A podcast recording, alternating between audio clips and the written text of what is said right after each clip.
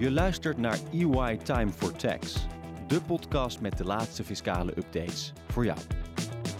Over belastingen over winst, omzet en arbeid en belastingen in het nieuwe digitale tijdperk.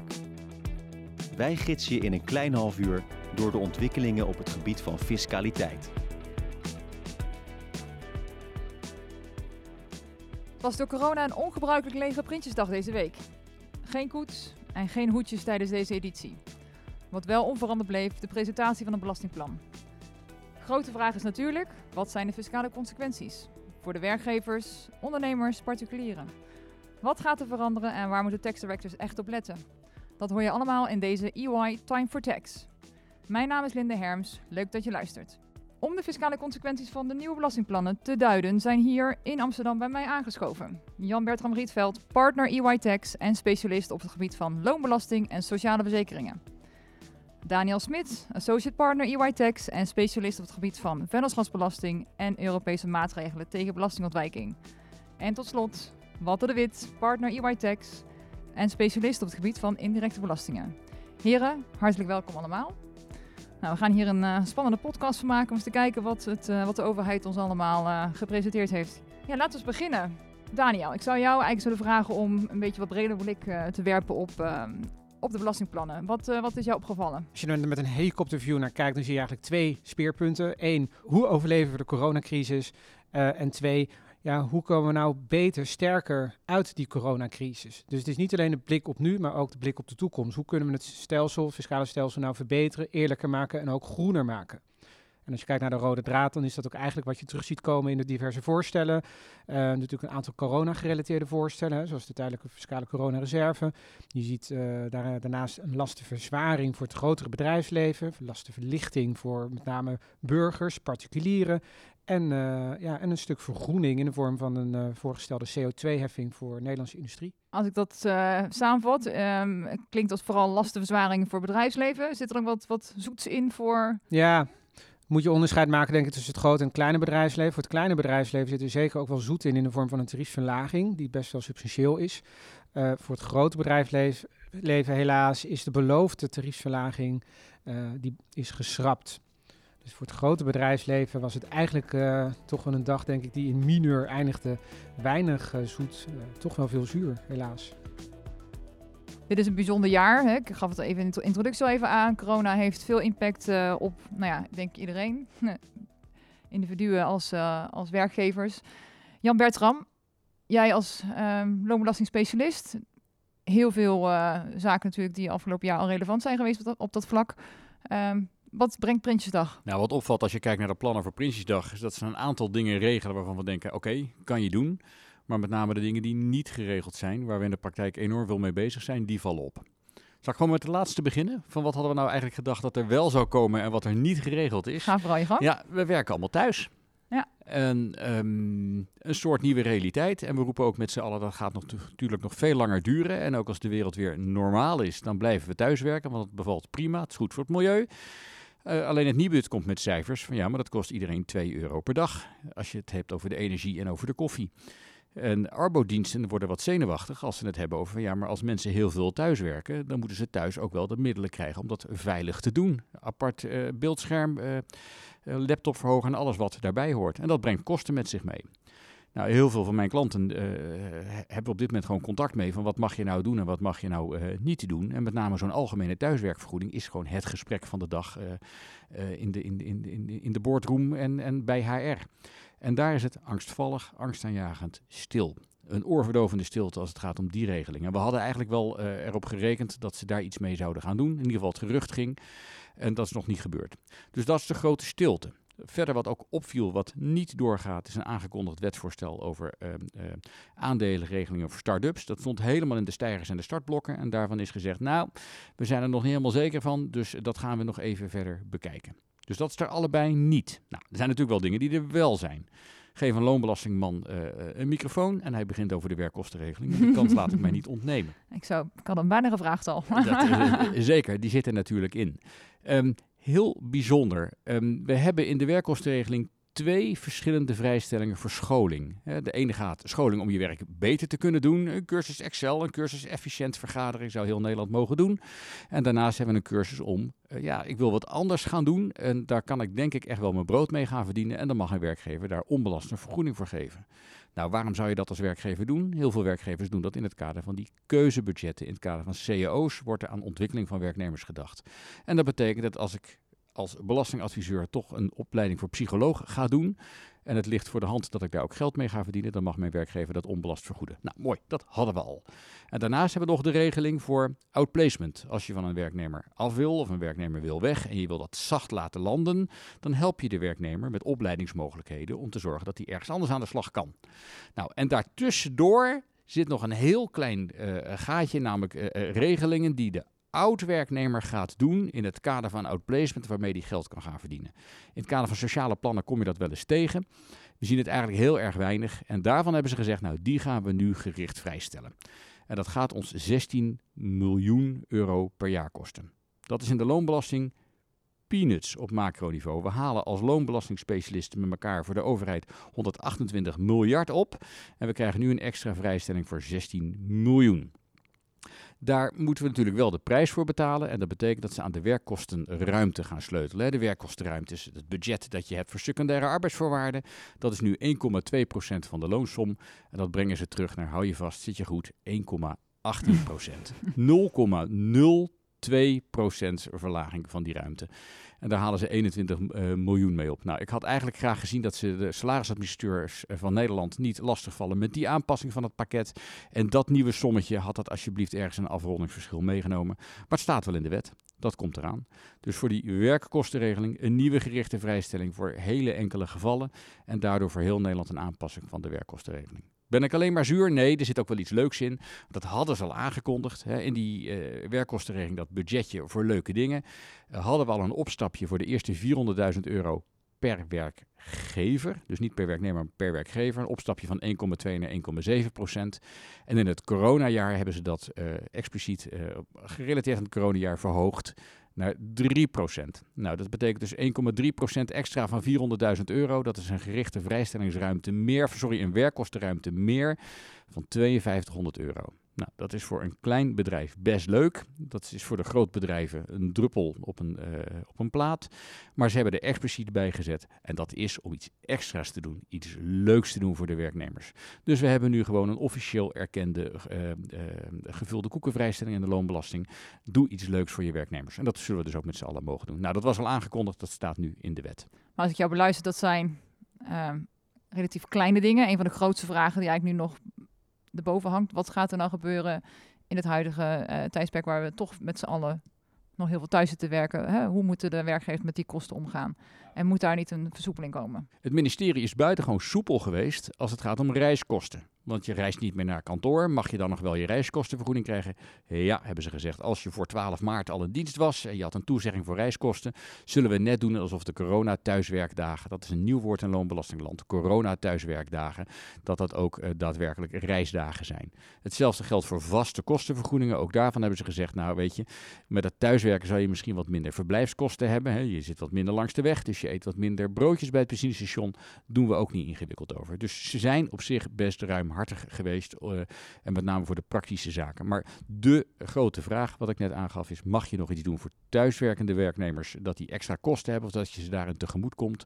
Die answer is still blowing in the wind. Een aarzeling van het kabinet gezien de mogelijke omvang daarvan. En, en, dat we langere termijn niet alleen maar na, hè, tijdens corona thuis blijven werken, maar mogelijk ook daarna. Dat dat moeilijk te peilen is. Heb jij daar gedachten bij?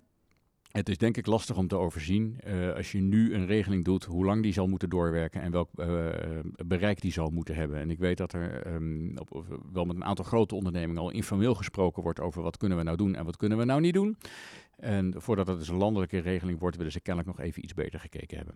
Nou, om dan nog even de laatste loonbelastingwijzigingen erbij te noemen. Voor de auto van de zaak hebben we voor elektrische auto's een hele gunstige regeling. Een lagere bijtelling, maar die bijtelling korting is niet onbeperkt.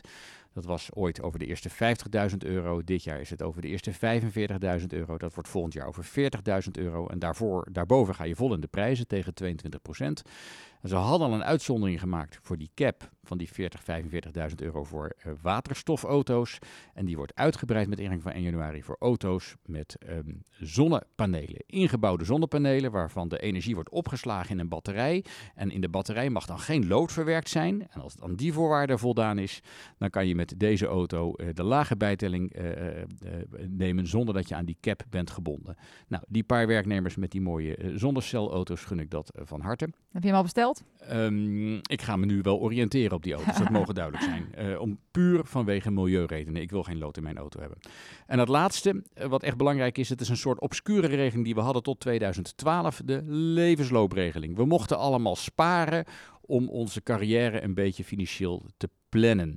En dat was zo'n succes dat ze die regeling weer de nek om hebben gedraaid. En eh, tot en met 2011 kon je daarvoor onbelast sparen en die regeling hield op. Maar als je een bepaald saldo had, 3000 euro, mocht je dat saldo aanhouden. En hoefde je dat uh, niet meteen af te kopen. En je mocht je zelfs doorsparen. Nou ja, omdat dat vrijgesteld was in box 3, hebben er volksstammen uh, doorgespaard. En dat zou dan aflopen op aanstaande 31 december. En welk probleem heb je dan? Ja, dan moet je uh, op dat moment gaan afrekenen. En voordat de loonbelasting daarover betaald is, zitten we over de jaargrens heen. En dan gaat het saldo ineens meetellen voor box 3. Nou, dat moeten we niet willen. Dus de wetgever heeft nu gezegd: Nou, weet je wat, ik doe een fictief genietingsmoment. Ik haal de heffing van dat afkopen van het spaarloon, het aflopen van het. Uh, ik haal de heffing van het aflopen van de levensloop haal ik naar voren. Naar 31, naar 31 oktober. En om die reden uh, betaal je er geen box 3 heffing over. En als het geld bij de bank staat en de werknemers niet meer in dienst, dan gaat de bank daar maar over inhouden. Nou, praktisch voor die gevallen die het zit. Dus ik snap wel dat ze dat gedaan hebben. Nog één leuke belofte in het belastingplan. En dat is iets waar Daniel en ik in de toekomst goed samen gaan werken. En namelijk dat als je een banengerelateerde investering doet, dan krijg je een korting op je loonsom. En hoe ze dat precies vorm gaan geven, dat, uh, dat, dat moet nog blijken.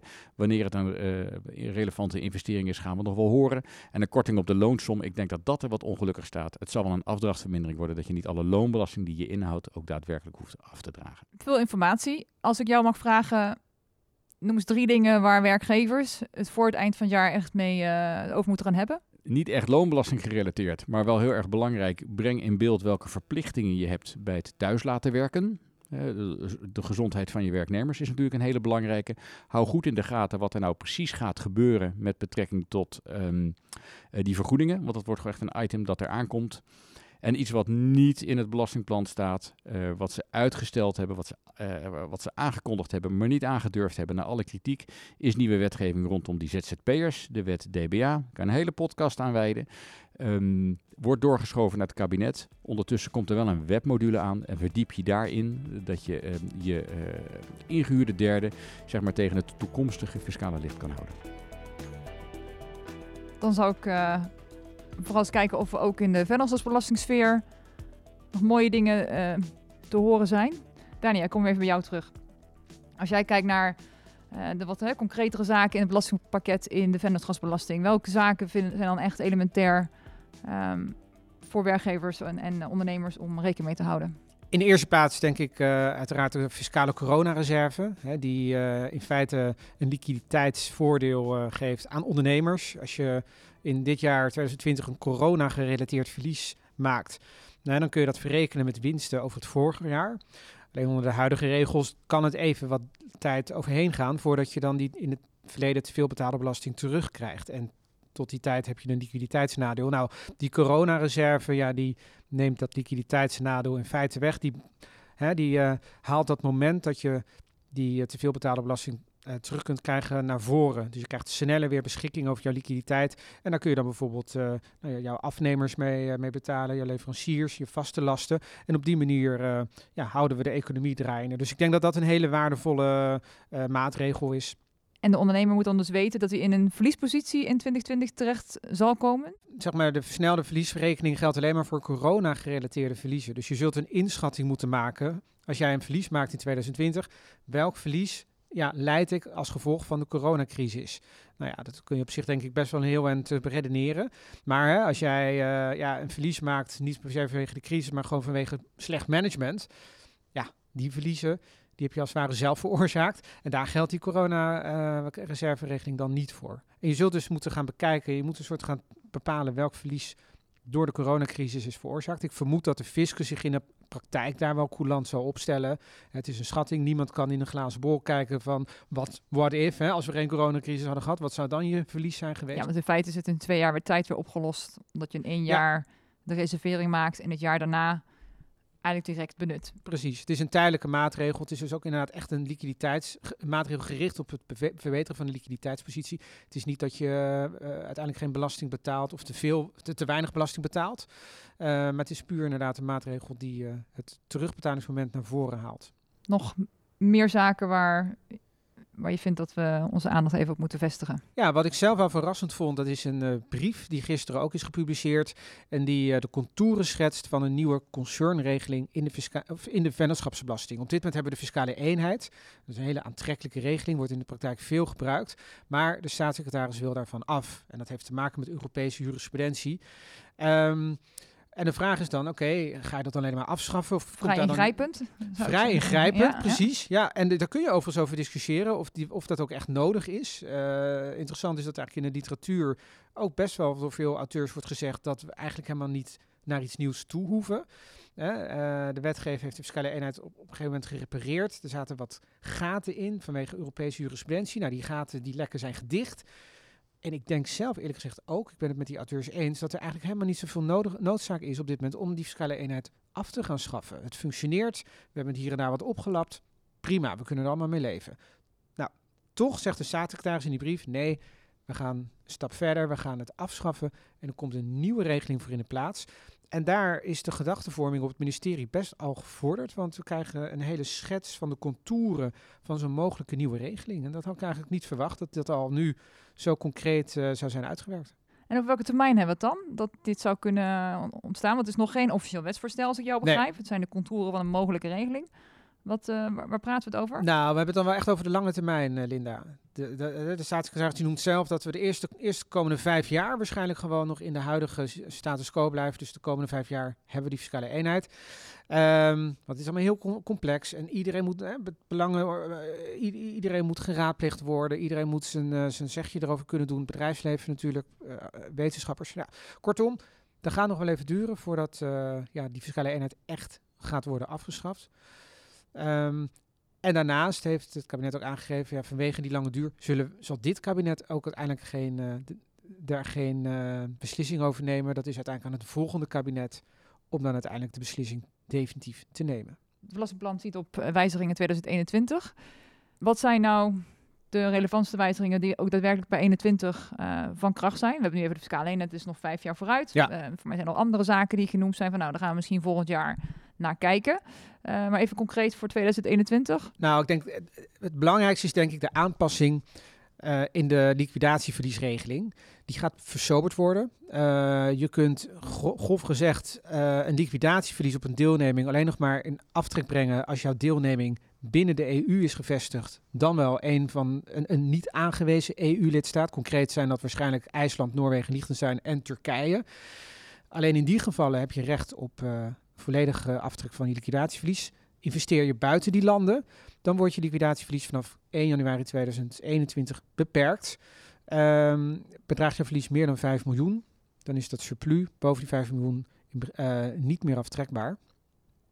Um, ja, en dat is natuurlijk best wel. Uh, dat is ook een politiek uh, keuze, denk ik. Hè, van, ja. Ja.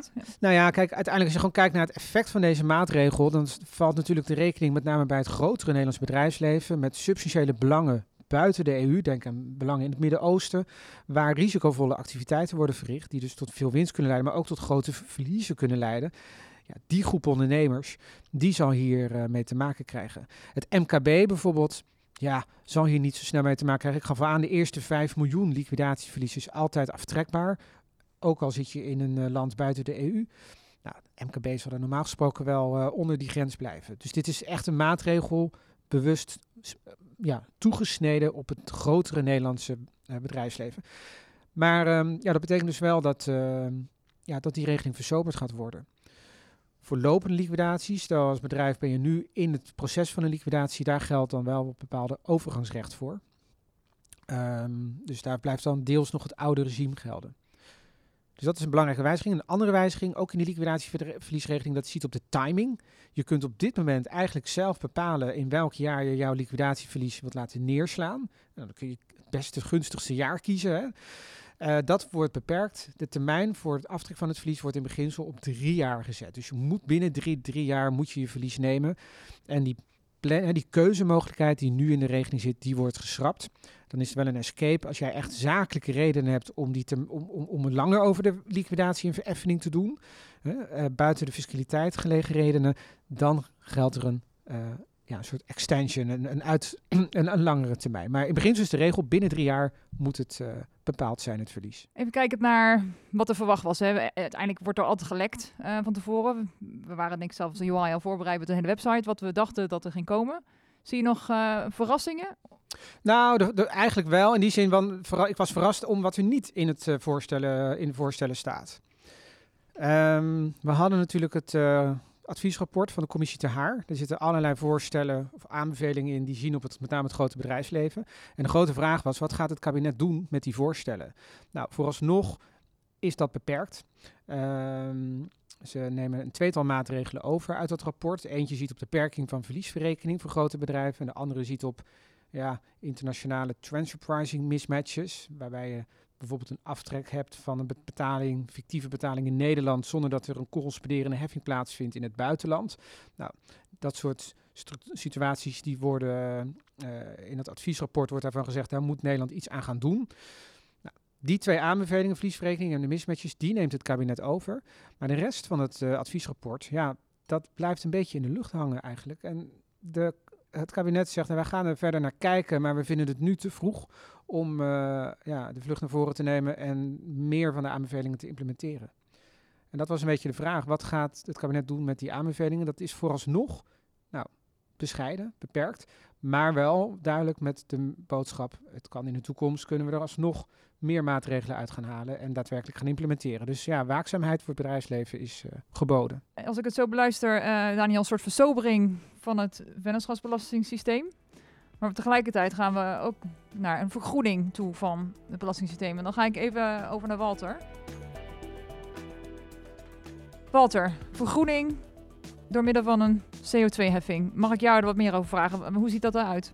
Ja, het kabinet heeft uh, uh, tegelijkertijd met het Belastingplan 2021 een wetsvoorstel ingediend voor een CO2-heffing industrie, zoals het dan heet. En die, is, die gaat van toepassing zijn op nou, bijna 300 bedrijven op hun jaarlijkse CO2-uitstoot. En dan hebben we het met name over industrie- en afvalverbrandingsinstallaties die daaraan onderworpen zullen zijn.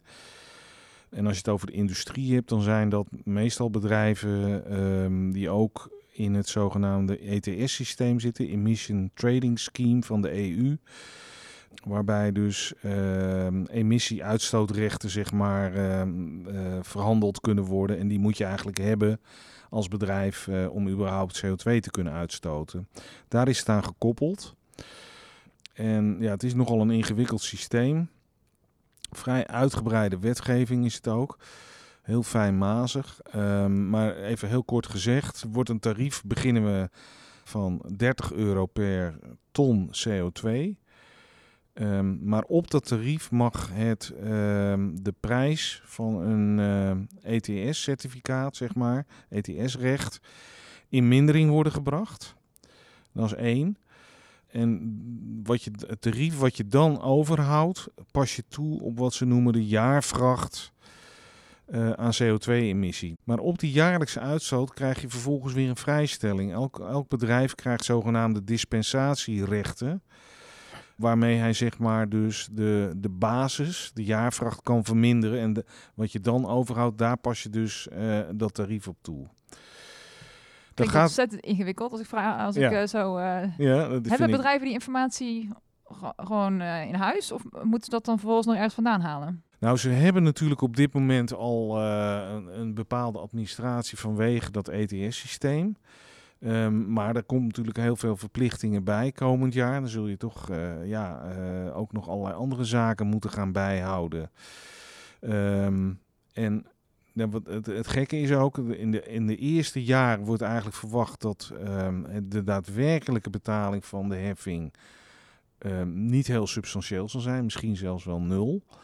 Doordat je die vrijstelling hebt, die dispensatierechten, en omdat dus het tarief nog vrij laag is. Maar het is dus de bedoeling dat dat tarief over een periode van 10 jaar ieder jaar met ongeveer 10 euro verhoogd zal worden, zodat we in eh, 2030 uitkomen op een tarief van 125 euro per ton CO2. Hè, dus met andere woorden, de lasten zullen wel steeds eh, iets meer gaan toenemen. En gaat de overheid hiermee de klimaatdoelen halen? Ja, dat verwachten ze wel. Eh, althans, laat ik zo zeggen, de, de inzet is om ehm, hogere klimaatdoelen te halen dan nu de inzet is van de EU. En daarom zeggen ze, is het noodzakelijk dat er ook een emissieheffing op CO2 komt. En want dat is dus wel bijzonder. Nog toe hebben we wel een energiebelasting, maar die zit eigenlijk meer op, de, ja, op kolen, aardgas, et cetera. Wat je gebruikt in je productieproces. Maar nu gaan we dus kijken naar ja, wat komt er nou eigenlijk uit die schoorsteen. Eh, en dat, wordt, dat, dat gaat belast worden. Dus dat is toch wel iets heel nieuws eh, binnen het Nederlandse eh milieubelastingenstelsel, om het zo maar te zeggen. Onderwerp wat denk ik toch nog wel heel veel mensen ook aan het hart gaat. Overdrachtsbelasting. Ja. Ehm, we zien daar toch wel eens wat interessante wijzigingen. Denk zowel voor particulieren als ook voor investeerders. ja, Laten we daar als laatste nog eventjes bij stilstaan. met name op het gebied van de tarieven gaat daar wat gebeuren. Ehm, en dat wordt met name afhankelijk van wat ga je nou eigenlijk doen met het onroerend goed. Wat is nou het gebruik van het onroerend goed eh, door de koper, zeg maar, de verkrijger. In de eerste plaats wordt er dus een vrijstelling geïntroduceerd voor starters op de woningmarkt. Mensen tussen de 18 en 35 jaar die voor het eerst een beroep op die vrijstelling gaan doen. Of eh, kunnen ja, op de vrijstelling gaan doen. Dus ze gaan een, eh, voor het eerst een woning kopen. Eh, die worden vrijgesteld van overdrachtsbelasting. Ehm, en ten tweede krijg je als je zeg maar een woning koopt en je bent geen starter, kun je ook eh, een verlaagd tarief krijgen, namelijk 2% overdrachtsbelasting. En in beide gevallen, zowel bij die vrijstelling als bij dat 2% tarief voor de niet-starter, zeg maar, geldt dan als voorwaarde dat je de, woon, de woning ook als hoofdverblijf eh, in gebruik gaat nemen. Dus dat betekent dat als je niet zelf in die woning gaat wonen, dus je dus niet een beroep op de vrijstelling voor starters kunt doen en ook geen beroep op die 2%, dat 2% tarief. Want dat is dan de volgende maatregel. Eh, het tarief, op dit moment is het tarief 6% hè, voor niet-woning, om het zo maar te zeggen. Dat wordt 8%. Dat was, zou eerst 7% worden, maar dat wordt zelfs 8% vanaf 2021. En dat geldt voor niet-woningen, dus bedrijfsonroerend goed. Maar ook voor woningen eh, die niet eh, bewoond gaan worden door de koper. Dus beleggers of woningcorporaties die woningen aankopen, die gaan er niet zelf in wonen. Die gaan straks 8% overdrachtsbelasting betalen. Dat totaalpakket gaat straks een, eh, een opbrengst opleveren van 500 miljoen op jaarbasis. Dit gaat in per. 1 januari 2021. Dus als, als organisaties nog iets willen doen met eh, gunstig tarief, zullen Ja. ze voor die tijd nog, eh, kunnen ze dan nog iets doen? Ja, dan moet je dus zorgen dat voor eh 1 januari 2021 het juridische eigendom eh, is overgedragen of verkregen is eh, eh, als koper. Dankjewel. Nou, hopelijk hebben wij hiermee eh, wat inzicht gegeven in de ontwikkeling van Prinsjesdag. Wij zijn hiermee aan het eind gekomen van deze podcast. Ik wil graag mijn collega's Jan-Bertram Rietveld, Daniel Smit en Walter de Wit bedanken. En wil jij nou ook niks missen van EY Time for Tax? Abonneer je dan via Apple Podcast of Spotify. Mijn naam is Linde Herms. Dankjewel voor het luisteren naar deze podcast en tot de volgende keer.